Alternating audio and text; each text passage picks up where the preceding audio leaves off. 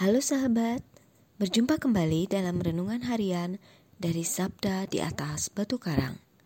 Hari ini, Senin 21 November, merupakan hari Minggu biasa ke-34.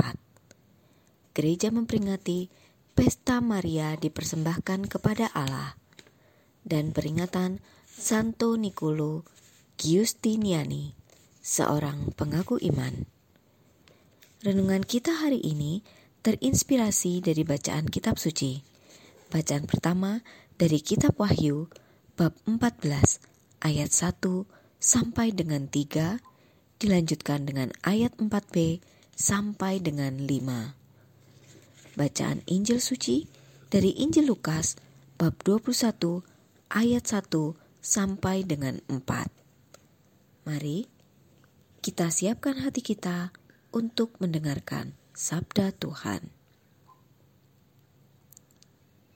Di bait Allah, tatkala mengangkat muka, Yesus melihat orang-orang kaya memasukkan persembahan mereka ke dalam peti persembahan. Ia melihat juga seorang janda miskin memasukkan dua peser ke dalam peti itu. Maka Yesus berkata, "Aku berkata kepadamu, Sesungguhnya janda miskin ini memberi lebih banyak daripada semua orang itu. Sebab mereka semua memberikan persembahannya dari kelimpahannya. Tetapi janda ini memberikan dari kekurangannya. Bahkan ia memberikan seluruh nafkahnya. Demikianlah sabda Tuhan. Terpujilah Kristus. Saudara-saudari yang terkasih, hari ini peringatan diberkatinya Gereja Santa Perawan Maria dekat Kenikesah, Yerusalem. Bersama umat Kristen Timur, kita ingat bagaimana Maria diberkati oleh Tuhan sejak awal hidupnya. Ia menjadi kediaman Roh Kudus karena hidupnya suci. Ia mampu mendengarkan dan melaksanakan kehendak Allah dengan sempurna dan menjadi Bunda Yesus Kristus.